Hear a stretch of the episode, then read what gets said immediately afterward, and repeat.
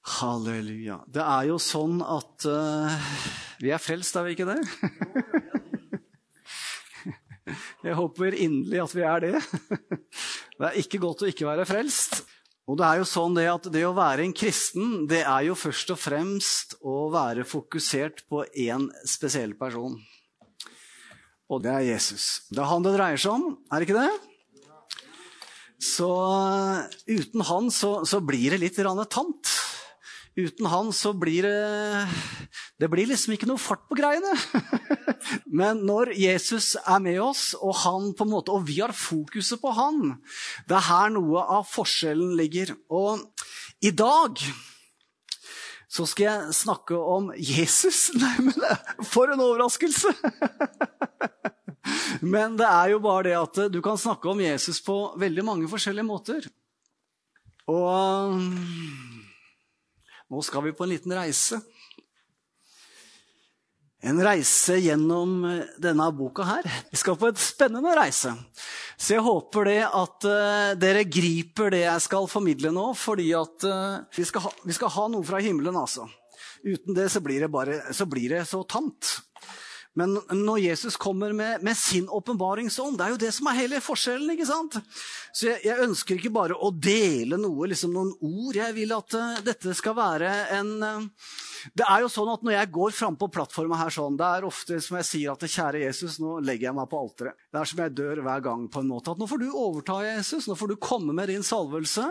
Og så er det sånn at uh, jeg, kan, jeg, at, jeg, opplever ofte at jeg kan begynne å lese, og så bare kjenner jeg at det, plutselig så er det som om Gud skrur krana på. Og, og kjenner at det, det, er noe mer som kommer, at det, det, er noe Den hellige ånd på en måte drar fram. Og, og det, er, det, er, sånn vi skal ha det i dag. skjønner du? At vi skal ha en sånn der salvelse fra himmelen. altså. Amen! Slik at ordet blir levende, og det blir til mat for hver eneste en av oss. Uten det så blir det bare tomme greier. Amen. Så eh, Jesus, hvem er han, og hvorfor kom han? Ja, men Det der har vi hørt veldig mange ganger. Men kanskje det blir en litt annen vri i dag? Som kan gjøre det litt spennende faktisk, og litt, litt sånn interessant å, å, å, være på møte i dag. Fordi at jeg tror fra dypet av mitt hjerte at Gud har noe for oss i dag. Og I Lukas 24, kapittel 24, fra 25 til 27, så står det Da sa Jesus til dem hvor, hvor uforstandig og trege dere er av hjerte til å tro alt det som profeten har talt. Måtte ikke Kristus lide alt dette og så gå inn til sin herlighet? Idet han begynte fra Moses og fra alle profetene, utla han for dem alt det som er skrevet om ham i alle skriftene. Og I dag så skal vi gå inn i skriftene i profetene. Vi skal gå inn i Gamle Testamentet og se på noe av det som profetene som, På en måte det som står om Jesus Kristus. Ja, Er det så viktig? Ja, ja men hallo! Altså, Det er jo det som er grunnlaget, altså det som på en måte står i Skriftene. Det er profetier om hvem Jesus egentlig er. Og altså, For at vi skal komme inn i det Gud har for oss, det bare det er bare sånn det er. Vi må ha en åpenbaring om Kristus. Og vi må leve i en åpenbaring om hvem Kristus er. Amen. Og Det var jo slik at det var disse to Emmaus-vandrerne. Da, da, da, da, var Jesus korsfesta, og de skjønte jo ikke bæret. De hadde ikke den store åndelige forståelsen. Og så bare slår Jesus følge med dem, og så begynner han å, å legge ut alle skriftene. Tenk på det! Helt fra Moses. Alt sammen. Og så sier han alt sammen, det handler om meg. Alt er skrevet om meg. Og, og, og, da må vi ha en sånn ånd av åpenbaring når vi leser Gamletestamentet, for å se hva som på en måte formidler noe om Jesus til oss. Altså Han begynte fra Moses, og fra alle profetene så la han ut fra dem alt det som var skrevet om ham, om Jesus Kristus. Du vet, Det er den boka her, vet du, når Den hellige ånd kommer med sitt lys. Det er da det blir liv og kraft for oss. Amen. Og så er det en fortelling i Matteus 16. Og vi kan lese det som står. Da Jesus kom til området ved Cesarea Filippi, spurte han disiplene sine og sa, 'Hvem sier menneskene at jeg er?'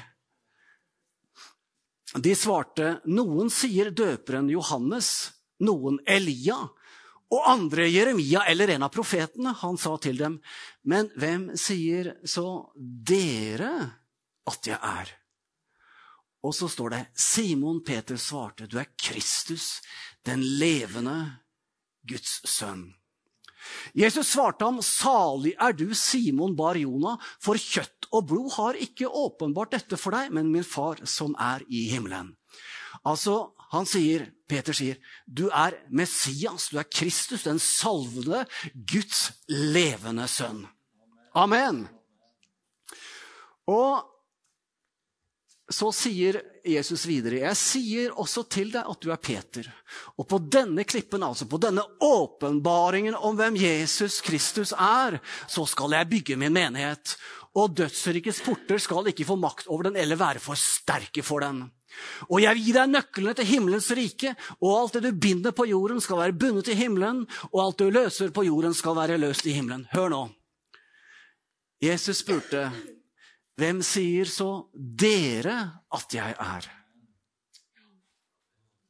Hvem sier du at Jesus er? Hvem er Jesus for deg? Hvem sier du at Jesus er?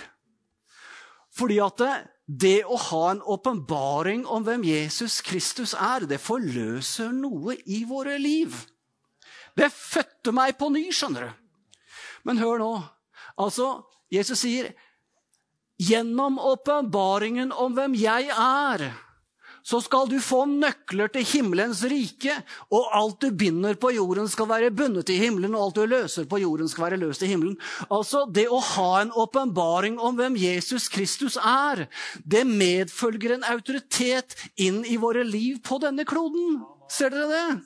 Altså, Det å få noen nøkler det har med autoritet å gjøre. Jeg, jeg har fått nøkkelen til alle rommene i dette huset. Jeg har fått overgitt den nøkkelen, og jeg kan låse meg inn hvor som helst. Og det å ha en nøkkel det har noe med autoritet og en råderett å gjøre. Og så sier Jesus at hvis dere på en måte baserer deres liv på denne åpenbaringen om hvem jeg er, så gir jeg dere autoritet til å løse og til å binde. Dette er sterkt, altså. Jeg bare sier det som det er. Dette er helt enormt fantastisk. Tenk at vi har fått en sånn autoritet fra himmelen inn i våre liv. Men det er basert på åpenbaringen om hvem Jesus Kristus er. Det er det som er grunnlaget. Så hvem er Kristus? Hvem er Messias? Den salvede for meg. Og hvem er han for deg? Vet du hva? Dette må åpenbares for oss. Det må åpenbares for oss. Og det er snakk om en kontinuerlig åpenbaring om det. Det som jeg fikk åpenbart i går, det trenger jeg å få på en ny åpenbaring om i dag. Og den som åpenbarer det for oss, det er jo Den hellige ånd. Det er sannhetens ånd, som Jesus sa. Men når Han, sannhetens ånd, kommer, skal han veilede dere til hele sannheten. For han skal ikke tale ut fra seg selv, men det han hører, skal han tale. Og han skal forkynne dere de ting som skal komme. Han skal herliggjøre meg. Amen! Han skal herliggjøre Jesus Kristus for oss. Det er det som er Den hellige ånds største oppgave. At Jesus skal på en måte, at vi skal se han sånn som Peter så han. Du er Messias, den levende Guds sønn. Amen! Det er det som er Den hellige ånds viktigste oppgave. Vi skal se Jesus som Messias. Så har jeg lyst til å føre dere på en liten reise. Fordi at eh, døperen Johannes han var jo forløperen for Jesus, ikke sant? Han var forløperen. Og så står det helt i begynnelsen av Johannes evangelium så står det I begynnelsen var Ordet, og Ordet var hos Gud. Han var i begynnelsen hos Gud, altså det er snakk om Jesus. Alt ble til ved ham, og uten ham ble ingenting til av alt det som er til. Og i ham var liv, og livet var menneskenes lys. Vet du hva? Alt er blitt til ved Jesus Kristus. Tenk på det. Han skapte himmel og jord. Han er fra evighet og til evighet den samme, den uforanderlige. Han er den evige jeg er. Ja, skjønte døperen Johannes hvem Jesus egentlig var? Skjønte han hvem Jesus var? Ja, men Når du leser videre Johannes evangelium, så sier døperen Johannes om Jesus Det var om ham jeg sa, han som kommer etter meg, er kommet foran meg, for han var før meg. Han hadde, han levde i åpenbaringen om at Jesus var Gud fra evighet av og til evighet. Han hadde en åpenbaring. Amen! Og så sier han videre Dagen etter ser Johannes Jesus komme imot seg, og han sier, 'Se der! Der er Guds lam som bærer verdens synd.' Han hadde en åpenbaring om det som var Jesu tjeneste. At han var Guds lam som bar alle verdens synder. Amen. Han var det lammet, det lyteløse, fullkomne offerlammet. Men jeg vet ikke om Johannes døperen så helt inn i hva det egentlig innebærer, nemlig at han en dag, at Jesus en dag skulle gi sitt liv på det korset. Men han hadde en åpenbaring. Han hadde en åpenbaring om hvorfor Jesus kom. Og så sier han videre, 'Jeg har sett det, og jeg har vitnet at han er Guds sønn.' Amen! Halleluja. Og så sier han videre, 'Han som kommer ovenfra, altså Jesus Kristus, er over alle.' 'Den som er av jorden, er jordisk og taler jordisk.' 'Han som kommer fra himmelen, er over alle.' Døperen Johannes hadde en åpenbaring om hvem Jesus Kristus var. Og det, var det, det, som var hans oppgave, det var å berede veien for Jesus. Gjøre folkets hjerter klare, så de kunne ta imot det budskapet som Jesus skulle tale. Han hadde en åpenbaring, og han levde i åpenbaringen om hvem Jesus Kristus var. Men hør nå. Det kom en tid, skjønner du, i døperen Johan sitt liv. Han var jo veldig frimodig. Og så bare refsa han Herodes, og Herodes putta han i fengsel. Og så sitter han i det fangehølet, og så lurer han på hva skjer nå? Så begynner han å tvile. Tenk på den åpenbaringen som døperen Johannes hadde. Han skjønte hvem Jesus var, at han var Guds sønn fra evighet av. Og allikevel Jesus sier han av mennesker som er født av kvinner, så er det ingen større enn døperen Johannes. Han var større enn Moses, han var større enn David, han var større enn alle de andre store profetene. Og allikevel så sitter han i fengselet, og så begynner han å tvile. Mens Johannes satt i fengselet, hørte han om Kristi gjerninger. Derfor sendte han to av disiplene sine og spurte ham er du den som skal komme, eller skal vi forvente en annen. Ja, men han hadde jo sagt det! Der er Guds sønn som bærer verdens synd! Amen! Og så sier han, og så svarer Jesus han, gå og fortell Johannes alt dere hører og ser. Blinde ser og lamme går, og spedalsk blir rensket og døve hører. Døve blir vekket opp, og evangeliet blir forkynt for fattige. Vet du hva han gjorde? Altså, Tenk på den åpenbaringen som døperen Johannes hadde om Jesus. Så begynte han å tvile. Johannes, hvem sier du at jeg er? Hva er din proklamasjon? Hva er ditt vitnesbyrd? Jeg vet ikke riktig. Jeg trodde jo at du var Messias. Jeg trodde jo du var Kristus. Og hva er det Jesus gjør? Han oppmuntrer ikke døperen Johannes med å si at ja, du Johannes, du er det største mennesket som er født av kvinner. Nei, det sier han etter at utsendingen er gått. Men når utsendingene er der, og de skal bære vitnesbyrdet tilbake til døperen Johannes, så hva er det Jesus gjør? Han trekker Johannes tilbake til profetiene i Jesajas. Han fører Johannes tilbake til ordet. Amen! Så sier han blinde ser. Og du vet at Johannes døperen hadde jo en åpenbaring om hvem han var. Hva som var hans tjeneste når de kommer og spør ham hvem er du, så sier han jeg er røsten av en som roper i ødemarken, gjør herrens, gjør herrens vei rett, som profeten Jesajas har sagt. Han siterer fra Jesajas. Han visste hvilket kall han hadde, å gjøre, berede en vei for Jesus Kristus. Og så står det han kjente jo til Jesajas. Han kjente til profetiene. Og det som Jesus gjør, han fører døperen Johannes tilbake igjen til ordet. For at han skal, Hva er det han skal vekke til live i døperen Johannes? Det er troen på at Jesus Kristus er Messias, den levende Guds sønn. At han er i sannhet den som skulle komme. Amen! Og det er én ting som vekker dette opp i oss på ny, og det er Guds ord. Amen! Ser dere det? Det er ordet fra himmelen som vekker åpenbaringen i oss på ny om hvem Jesus virkelig er. Amen. Hadde døperen Johannes en åpenbaring om hvem Jesus var? Han hadde det.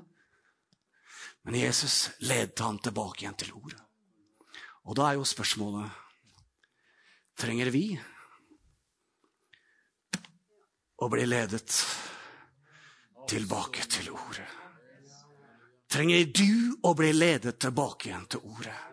Trenger du å få på en måte få liv i disse guddommelige sannhetene om hvem Jesus er? Når døperen Johannes, som var så salvet og utrustet til sin tjeneste, når han trengte å bli ledet tilbake til Guds løfter og til ordet, hva trenger da vi? Hva trenger du da jeg? Hva trenger da du? Amen. Ser dere det?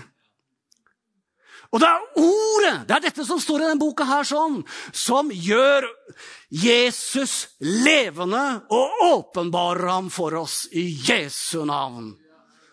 Amen. Amen! Yes. Vi trenger å leve i en kontinuerlig åpenbaring om hvem Jesus Kristus er. Halleluja! Og det er gjennom ordet. Det er ordet som åpenbarer Kristus, den levende Messias, for oss. Amen. Vet du hva? Dette er så bra. Den boka her er så bra. Hvem er han? Hvem er han egentlig? Hvem er Jesus Kristus? Hvem er Messias? Hvem er han egentlig? Så leste vi i begynnelsen om Emmaus-vandrerne. Så begynte Jesus fra Moses, og gjennom alle skriftene så fortalte han dem og forklarte han dem hvem han egentlig var. At han måtte lide, at han måtte dø på det korset. Jeg har tatt noen utvalgte bibelvers bare for å herliggjøre Jesus. For bare å løfte hans guddommelighet opp mer enn noen gang. Det er derfor jeg er her i dag. Jeg bare ønsker å opphøye Jesus Kristus som den evige Gud. Han som har all makt i himmel og på jord. Jeg ønsker på en måte å bare herliggjøre hans navn. Løfte han opp for hver eneste en av dere. Så det er noe som bare tenner i dere. Amen. Halleluja. Amen. Halleluja. Moses han skulle lede israelsfolket tilbake igjen, tilbake igjen til løfteslandet. Ut av Egypt. Så har han flykta, vært 40 år som gjeter i ødemarken, var blitt 80 år gammel. 80 år er ingen alderliv. Halleluja. Amen. Hør nå. Så er han ute i ødemarken. Og så plutselig så ser han en brennende tornebusk. Og blir nysgjerrig, for den brenner ikke opp. vet du. Den bare brenner, den brenner, den brenner. Det er en ild fra himmelen. Og nærmer seg nysgjerrig. Og så sier, så åpenbarer Gud seg for Moses og sier, 'Jeg er den jeg er'. Og han sa, 'Dette skal du si til Israels barn. Jeg er har sendt meg.' Jeg er har sendt meg. Hvem er det som åpenbarer seg for Moses? Jesus Kristus. Han sier i Johannes evangelium Moses så med en dag, og han frydet seg. Det er Jesus Kristus, Gud den allmektige, som åpenbarer seg for Moses. Det er egentlig Javé, jeg er. Jeg var fra evighet. Jeg er, og jeg er i all evighet. Og så sier Gud, den evige, den allmektige, til Moses, du skal si, 'Jeg er, har sendt deg'. Og hvis du leser i evangeliene, så sier Jesus gang på gang 'Jeg er'. Og jødene blir så provosert. Så provosert at de forsøker å steine ham. Fordi at når Jesus sier 'Jeg er', og det kommer ikke ordentlig fram i den norske oversettelsen, for er 'Jeg er Han', står det ofte, men det han sier er 'Jeg er Javé'. Jeg er, jeg er. Og da blir de så arge og så sinte at de forsøker å steine ham. Men de lykkes ikke. Ikke før tiden var inne. Moses ser den brennende tornebusken. Og han blir berørt. Han får et møte med Gud den allmektige, med den salvede Messias som er fra evighet av. Hvem er han? Så står det Jesus sier i Johannes 12, 41, Der sier han om Jesajas. Jesajas så min herlighet, sier Jesus. Jesaja så min herlighet. Dette sier han til disse fariseerne og de som hører på ham. Men hør nå.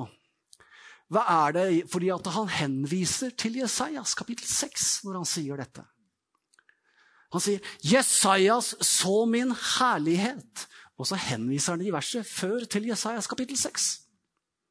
Ja, Hva står det i kapittel 6? da? Der står det i det året da kong Ussia døde, så jeg Herren sitte på en trone, høy og oppløftet, og sleip av hans skrud fylte hele tempelet.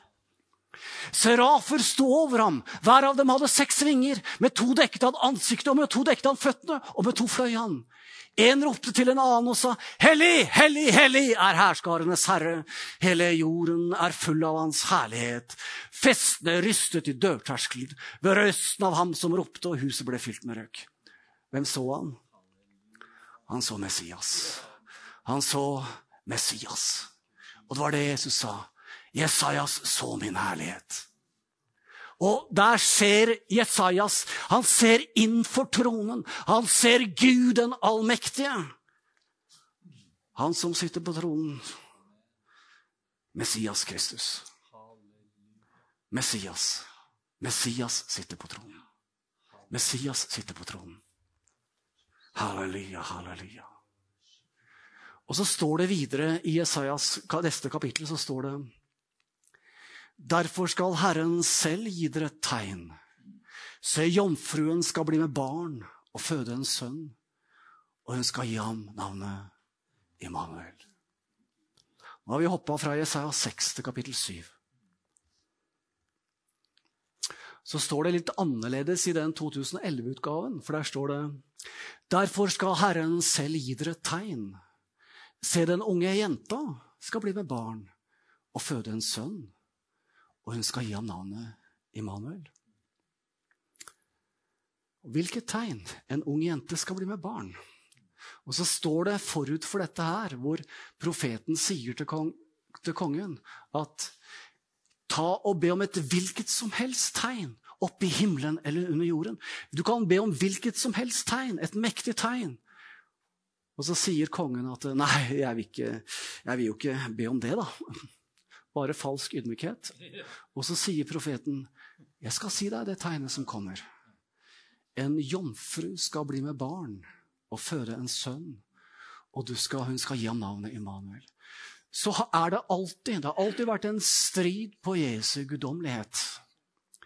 Og så ser du det i den 2011-oversettelsen, at så oversetter man da dette ordet som står for jomfru, eller ung kvinne, Alma, til altså ung jente. For det kan bety begge deler. Det kan bety begge deler. Men du har et annet ord som også beskriver jomfru i Gamletestamentet på hebraisk, og det er betula. Så sier man nei, man skulle brukt betula isteden. Men hør nå, begge ord er brukt for jomfru. Altså avhengig av sammenhengen det står i, så tolker man det. Og ca. år 250 før Kristus så kom 72 skriftlærde som kunne hebraisk. Det var deres talespråk, som hadde en enorm, fantastisk innsikt i Guds ord. De kom sammen. Og så oversatte de hele Det gamle testamentet til gresk. Og hva oversatte de Alma med? Til partenos, altså jomfru. For de skjønte jo det ut ifra sammenhengen. At skulle det være et tegn som var så voldsomt at det kunne på en måte bare være wow, så måtte det være noe mer enn at en ung jente ble med barn. For det er ikke så store greiene. skjønner du. Det skjer veldig ofte. Og det kreves ikke så veldig mye for å få det til heller. Men at en jomfru skal bli med barn, det er helt grensesprengende. Amen. Det er jo noe helt annet. Hvem er han? Og så kommer da, så kan vi lese om Elisabeth, eller engelen som kommer til Maria. Da har Elisabeth blitt svanger med døperen Johannes. Og mens Maria da er i Nasaret, så kommer det en engel, og så sier denne engelen til Maria Se, din slektning Elisabeth har også unnfanget en sønn i sin høye alder. Det var en helt naturlig unnfangelse, selv om hun var gammel. Hun som ble kalt ufruktbar, er nå i den sjette måned. For ingenting er umulig for Gud. Og så sier Maria, som et forbilde for oss alle sammen Se, jeg er Herrens tjenestekvinne. La det skje med meg etter ditt ord. Og engelen forlot henne. Amen. Hun hadde denne ydmyke holdningen innenfor Gud. Altså, her hadde det kanskje Jeg tror, vi, jeg tror på denne ung jord-teologien, for å si det sånn. Jeg tror ikke vi, denne jorda er milliarder av år gammel. Det rimer bare ikke. Men det var et fall som skjedde for ca. 6000 år siden. Så går det 4000 år. Så er det en ung kvinne som er så overgitt til Herren at når engelen kommer og sier, 'Maria, du skal føre en sønn, og du skal gi ham navnet Jesus', så sier hun, 'Ja, hvordan kan det skje?' Liksom? Det, det, det, det, skjønner jeg jo ikke helt. Hvordan, hvordan, jeg har jo ikke vært sammen med noen mann, og det er jo ganske umulig. Nei, det er en sånn ydmyk holdning. Ja, men hvordan kan dette skje? Jeg vil bare vite hvordan det skal skje. Og så sier engelen Den hellige ånd skal komme over deg. Og det som blir unnfanget i ditt indre, skal være hellig og kalles Guds sønn. Amen. Amen. Og dette henviser da uh, evangelisten Matteus til når han sier Se, jomfruen skal bli med barn og føde en sønn, og de skal gi ham navnet Immanuel, som er oversatt Gud med oss. Og da siterer evangelisten Matteus den greske oversettelsen av Gamletestamentet fra Jesajas 14. Amen. Og disse apostlene, du, disse disiplene til Jesus Kristus, de hadde en helt spesiell åpenbaring når de tolket. Det var jo akkurat det Jesus gjorde nå sammen med Emmaus-vandrerne. Han åpnet øynene deres. Slik at de kunne se hele sammenhengen i Gamle Testamentet. Og når Matteus skriver sitt evangelium, så forstår han Wow! Dette er jo om Jesus Kristus og Maria. Amen. Og det er så fantastisk fordi at eh, da profeten Jesajas fikk denne profetien ca. 700 år før Kristus og han så inn i noe som skulle komme 700 år senere. At en jomfru skulle bli med barn. Og hun skulle kalle ham Immanuel. Og hva, hva, innebærer det egentlig at Gud er med oss? Og Jeg satt og leste noen kommentarer til en som heter Adam Clark. Han levde for et par hundre år siden. Så sier han da Gud ble menneske, i mennesket Jesus Kristus, kalles han for Immanuel. Som betyr Gud med oss. I Jesus ble Jesus som den allmektige Gud forenet med vår menneskelige natur. Han ble Gud med oss og Gud i oss. Jesus er Gud med oss ved sin stadige beskyttelse over oss. Han er Gud med oss ved sin kontinuerlige påvirkning i oss ved sin Hellige Ånd. I nådemidlene. Vi skal ha nattverd etterpå det vil si nattverden, og dåp i forkynnelsen av Hans levende ord. I vårt private bønneliv. Han er Gud med oss gjennom hver eneste handling i våre liv. Han er Gud med oss for å trøste, opplyse og forsvare oss. I enhver fristelse og prøvelse, i dødens time og den dagen vi står fremfor Hans trone ved Kristi domstol. Han er Gud med oss, i oss, og vi med ham og i ham i all evighet. Det er det det innebærer at dette barnet som ble født, skulle kalles Immanuel. Hvem er han? Og det er slik at det, det, er, en, det er en strid på Jesu guddommelighet. Det er en strid på dette her at han ble født av en jomfru. Ja, hvorfor er det det, da? Jo, fordi at hvis han ikke ble født av en jomfru, så hadde han ikke oppfylt profetien i første Mosbok kapittel 3. Kan vi ta og lese den også? Kvinnens ett, står det. Altså, kvinnens ett altså, Jesus ble ikke unnfanget i Marias mors liv ved at en mann kom og planta noe sæd i Maria. Jesus ble unnfanget i Marias mors liv ved at Gud, Den hellige ånd, berørte ham. Og derfor, når Jesus ble født, så hadde han ikke noe av arvesynden, sånn som vi alle vi fødes med. Han var totalt syndefri, totalt ren. Han var fullkommen. Slik at, og det For at han skulle komme som et vanlig menneske, så måtte altså, Han måtte komme som et menneske, men for at han skulle være fullkommen og ren, så kunne han ikke bli unnfanget på en vanlig måte. Slik at når du på en måte går til strid mot jomfrufødselen, så går du til strid mot selve grunnlaget for vår kristne tro for at han skulle være det syndefrie offerlam som var fullkomment, så måtte han bli født av en jomfru. Det var ingen andre veier. Gud selv måtte plante et frø i Marias mage. Eneste måten det kunne skje på. Jeg skal komme mer inn på det etterpå. Og så står det videre i Jesajas 9.: For et barn er oss født, en sønn er oss gitt. Herredømmet er på hans skulder. Hans navn skal være under, rådgiver, mektig Gud, evig far og fredsfyrste. Amen. Og jeg tror det at når disse Emmaus-vandrerne vandret med Jesus, så viste han dem Matteus, den første Mosbok, kapittel 3. Så gikk han til andre Mosbok, åh, kapittel 3 hvor han åpenbarer seg i den brennende tornebusken. Og Så går han inn i alle profetene. Så går han inn gjennom hvert kapittel i Jesajas. For en runde! Der skulle vi vært, folkens. hva? Og fått den åpenbaringen som disse to Emaus-vandrerne fikk. Og så går han inn, sannsynligvis inn i Jesajas 9, og så sier han, se hva som står. Se hva Jesajas profeterte for 700 år siden. Et barn er oss født. En sønn er oss gitt. Herredømmet er på hans skulder. Hans navn skal være under. Rådgiver. Mektig Gud. Evig far og fredsfyrste. Han er min Messias. Han er min Messias.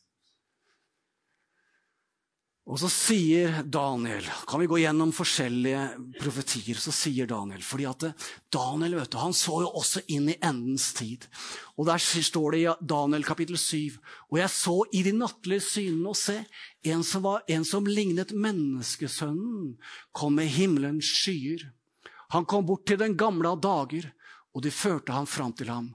Så ble det gitt ham herredømme og ære og rike så alle folk og folkestammer med alle tungemål skulle tjene ham. Hans herredømme er et evig herredømme som ikke forgår, og hans rike er det som ikke skal ødelegges. Og det var nemlig slik at uh, for jødene så var det slik at det var én som red på himmelens skyer.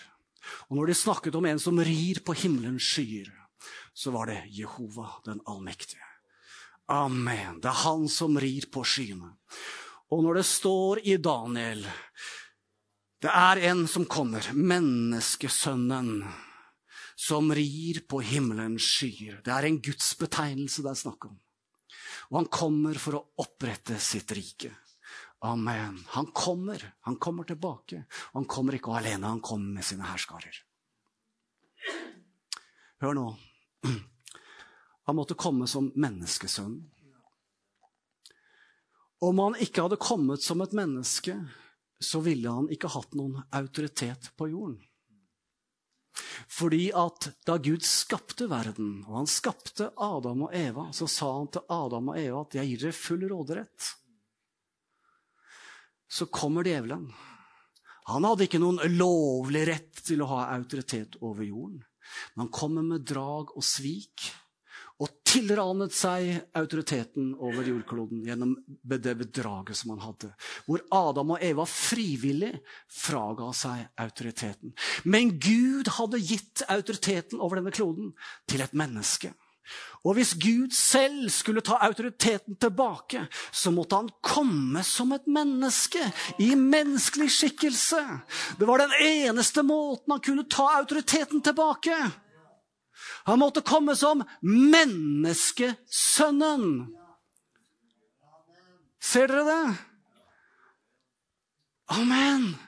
Han skulle frariste den onde autoriteten over kloden. Da måtte han komme som et fullkomment menneske.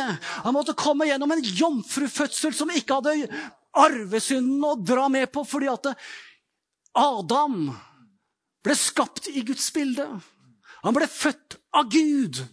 Og meningen var at alle Adams avkom skulle bli født i Adams bilde.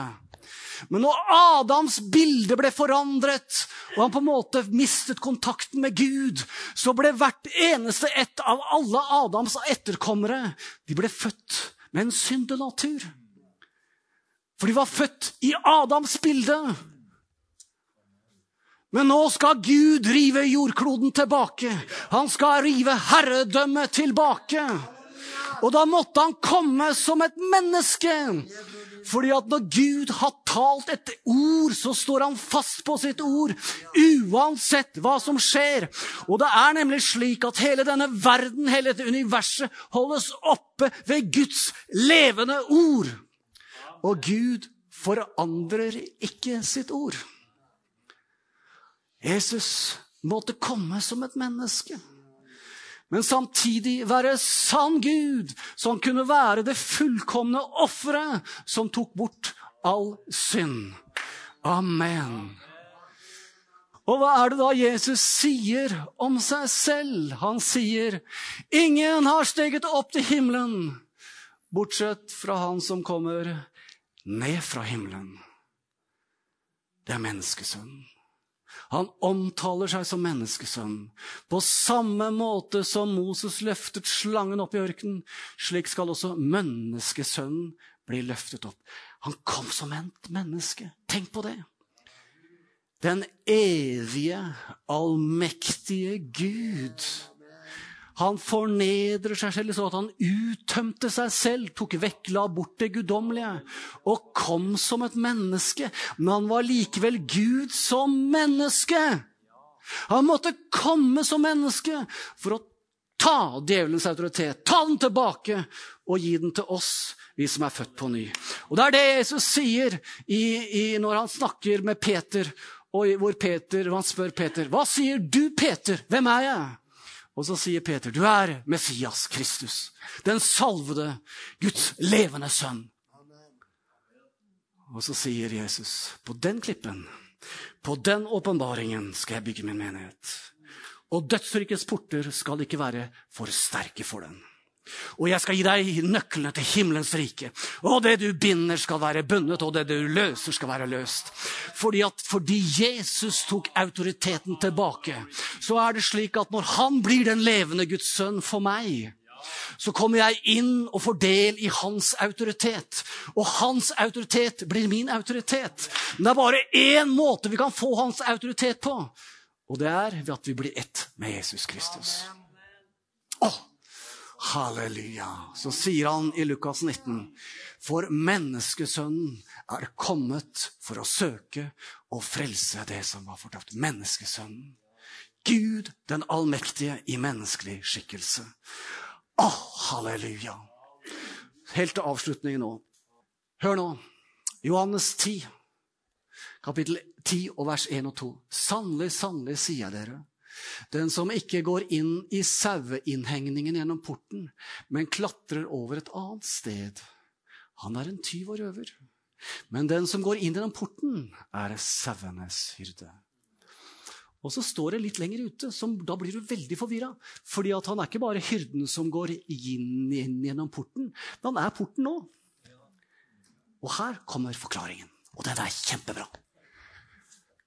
For det står nemlig i Jesajas, nei, Johannes kapittel 9 han sier, Jesus sier, 'Til dom er jeg kommet inn i verden'. Han sier, 'Jeg er kommet inn i verden'.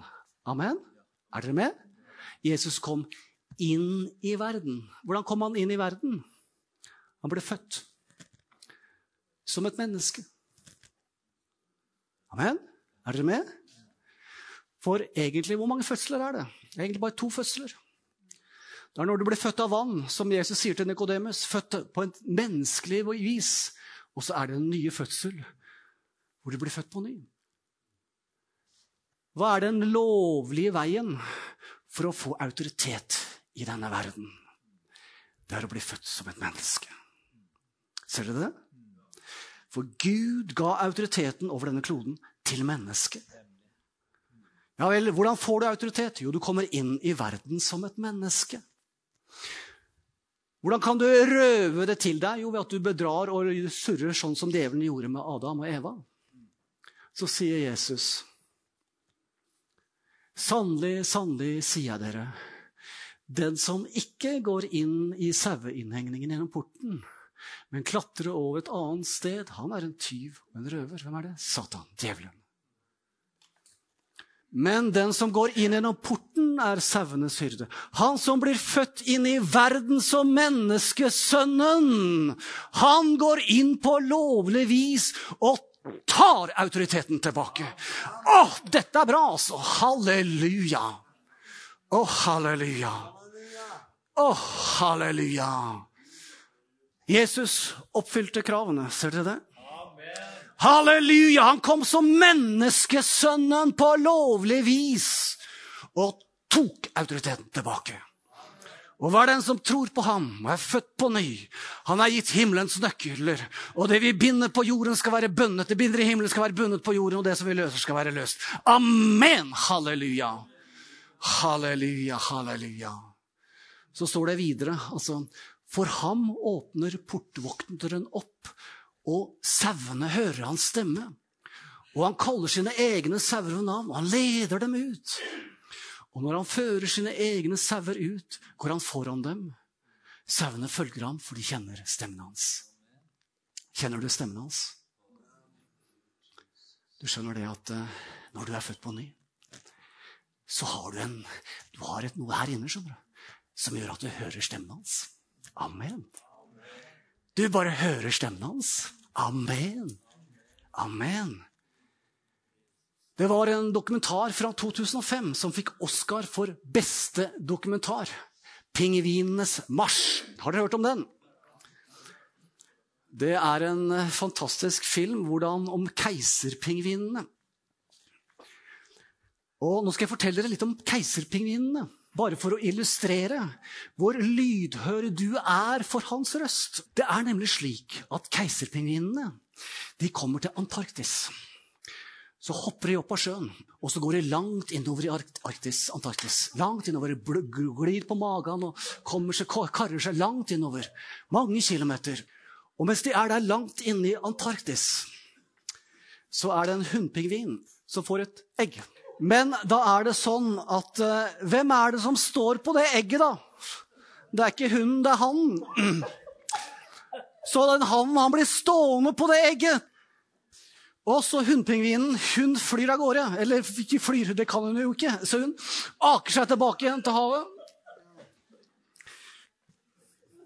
Så lever hun fete dager, fisker, spiser seg bedt og god og legger på seg noen kilo, for nå har hun jo vært ganske langt inne i Antarktis og blitt ganske slank. Og så skal hun tilbake igjen til denne arme maken sin, som bor der langt inne i Antarktis. Og der står hun da, og stått der ganske lenge òg. Det har vært skikkelig kaldt har det vært òg. Og så kommer hun tilbake kommer over bakketoppen, og der er det noen hundre tusener av keiserpingviner. så skal hun finne sin make. Og alle er jo kledd i den samme smokingen. Så hvordan skal hun finne maken sin? Ja, hvordan finner hun maken sin? Jeg vet ikke hvordan pingvinene skriker og på en måte roper på hverandre. Jeg har ikke peiling. Men midt i dette her sånn, det er en make der borte som nå klekka ut denne ungen. Så står han der i is, ishavet.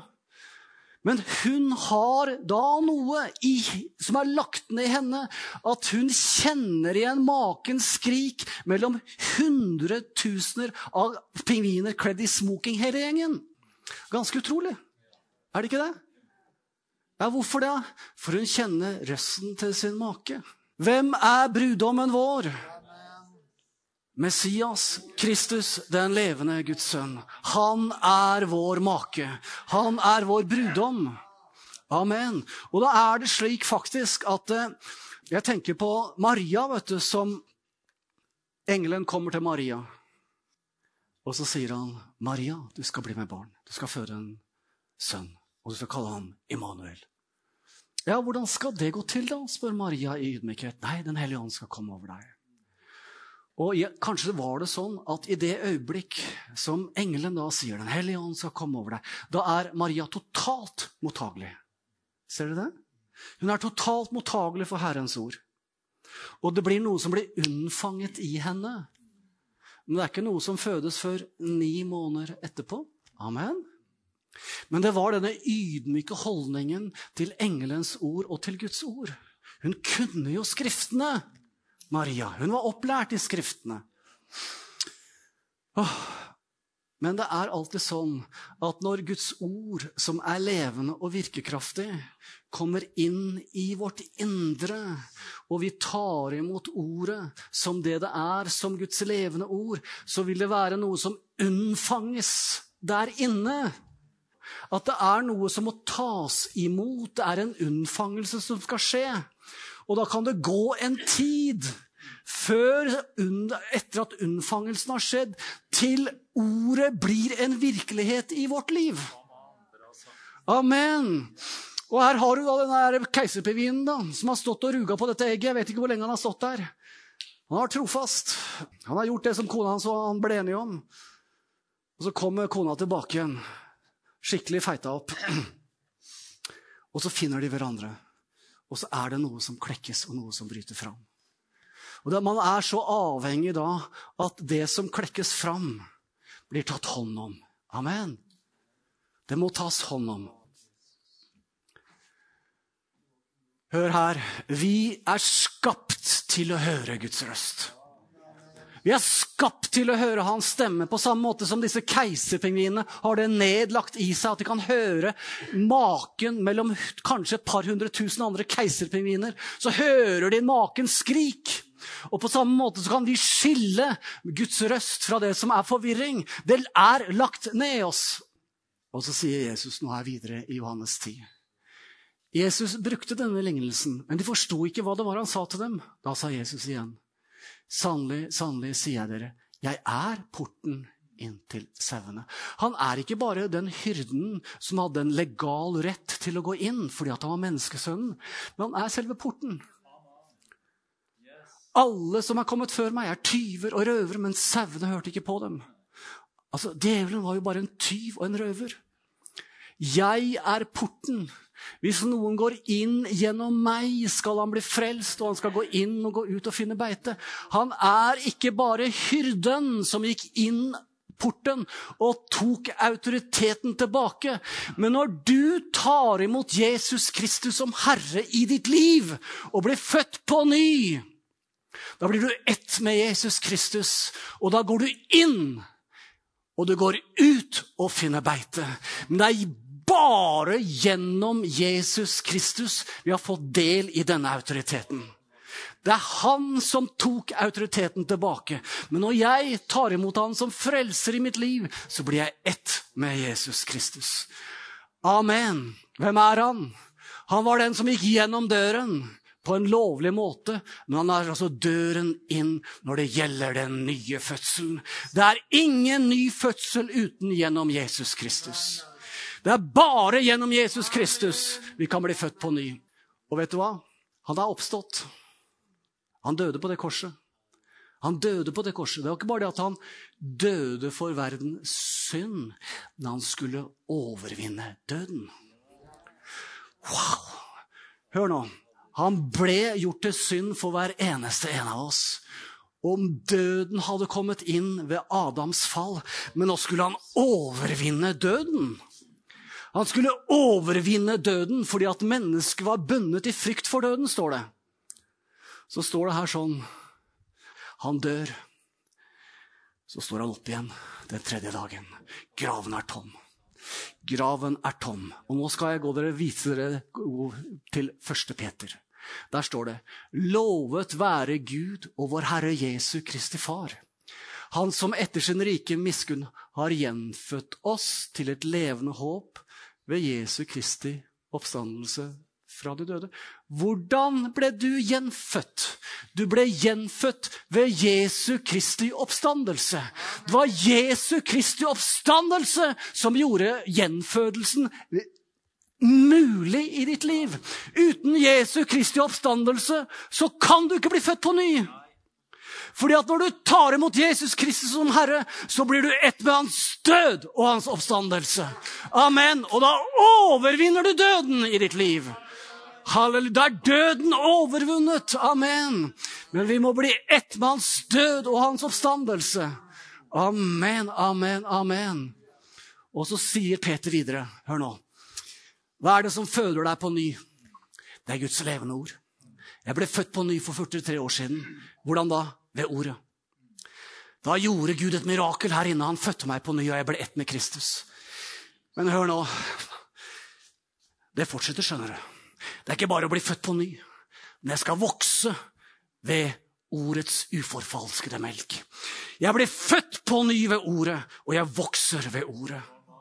For ordet har denne mektige kraften i seg at det ikke bare føder oss, men det modner oss og fører oss inn i et hellig liv. Amen! Halleluja! Dette er evangeliet om Jesus Kristus. Åh, altså, tenk hva vi har fått, tenk hva han har gitt oss. Jeg må bare si jeg må bare si én ting på slutten. Hør nå. Jesus, disiplene i, sitter i båten i forveien. Jesus har mettet 5000 mennesker. Han sender disiplene av gårde. De sliter i motvind.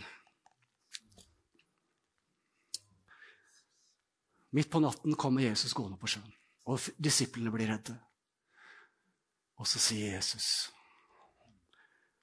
Han sier ikke 'det er meg', som det står. Han sier 'jeg er'. Jeg er. Gud den allmektige. Og så sier han og sier, 'Jeg er'. Og da vet disiplene hva han snakker om. Han er Gud den allmektige. Og så sier han noe mer. Frykt ikke. Altså, gjennom åpenbaringen om hvem Jesus Kristus er, så er det autoritet i vårt liv til å binde og til å løse.